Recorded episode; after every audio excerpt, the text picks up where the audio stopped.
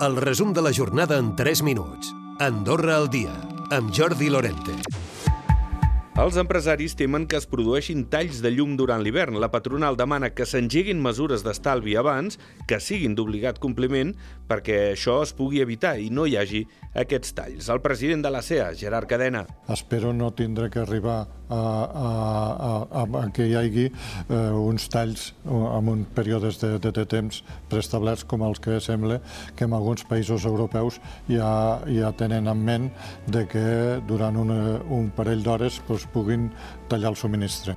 El govern i Esquí Andorra tanquen les tarifes de l'esquí escolar i extraescolar. Aquest últim augmenta 6 euros, passa als 133. Educació avança que hi haurà una prova pilot per ampliar una hora l'aprenentatge escolar amb monitor. La ministra Esther Vilarrubla. Afegir una hora més de monitor a tots els alumnes d'aquella escola en aquest any i a la quarta hora que estan a les pistes aquest coneixement de natura, d'activitats que es fan dins de les estacions, el coneixement propi del funcionament de l'estació, d'oficis de l'estació, perquè potser sí que al cap de molts anys d'esquiar tot això no es coneixia.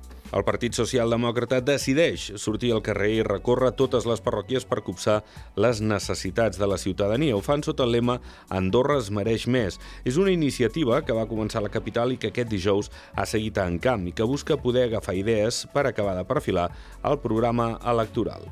I el Comú de la Massana ha aprovat diverses mesures d'estalvi energètic que costaran uns 130.000 euros i entre les quals destaca l'apagament de les llums de les urbanitzacions a la nit. També automatitzaran el tancament dels fanals i els repararan. N'ha parlat la cònsul menor massanenca, Eva Sansa. El que volem sobretot és, per una part, eh, reduir el cost de energètic, i crec que nosaltres el que tenim també és un compromís i un conveni que justament pues, eh, signarem amb, amb govern Eh, d'aquí no gaire, en el qual ens comprometem tots els comuns com a mínim a rebaixar el, el, la despesa a nivell d'enllumenat d'un 15%.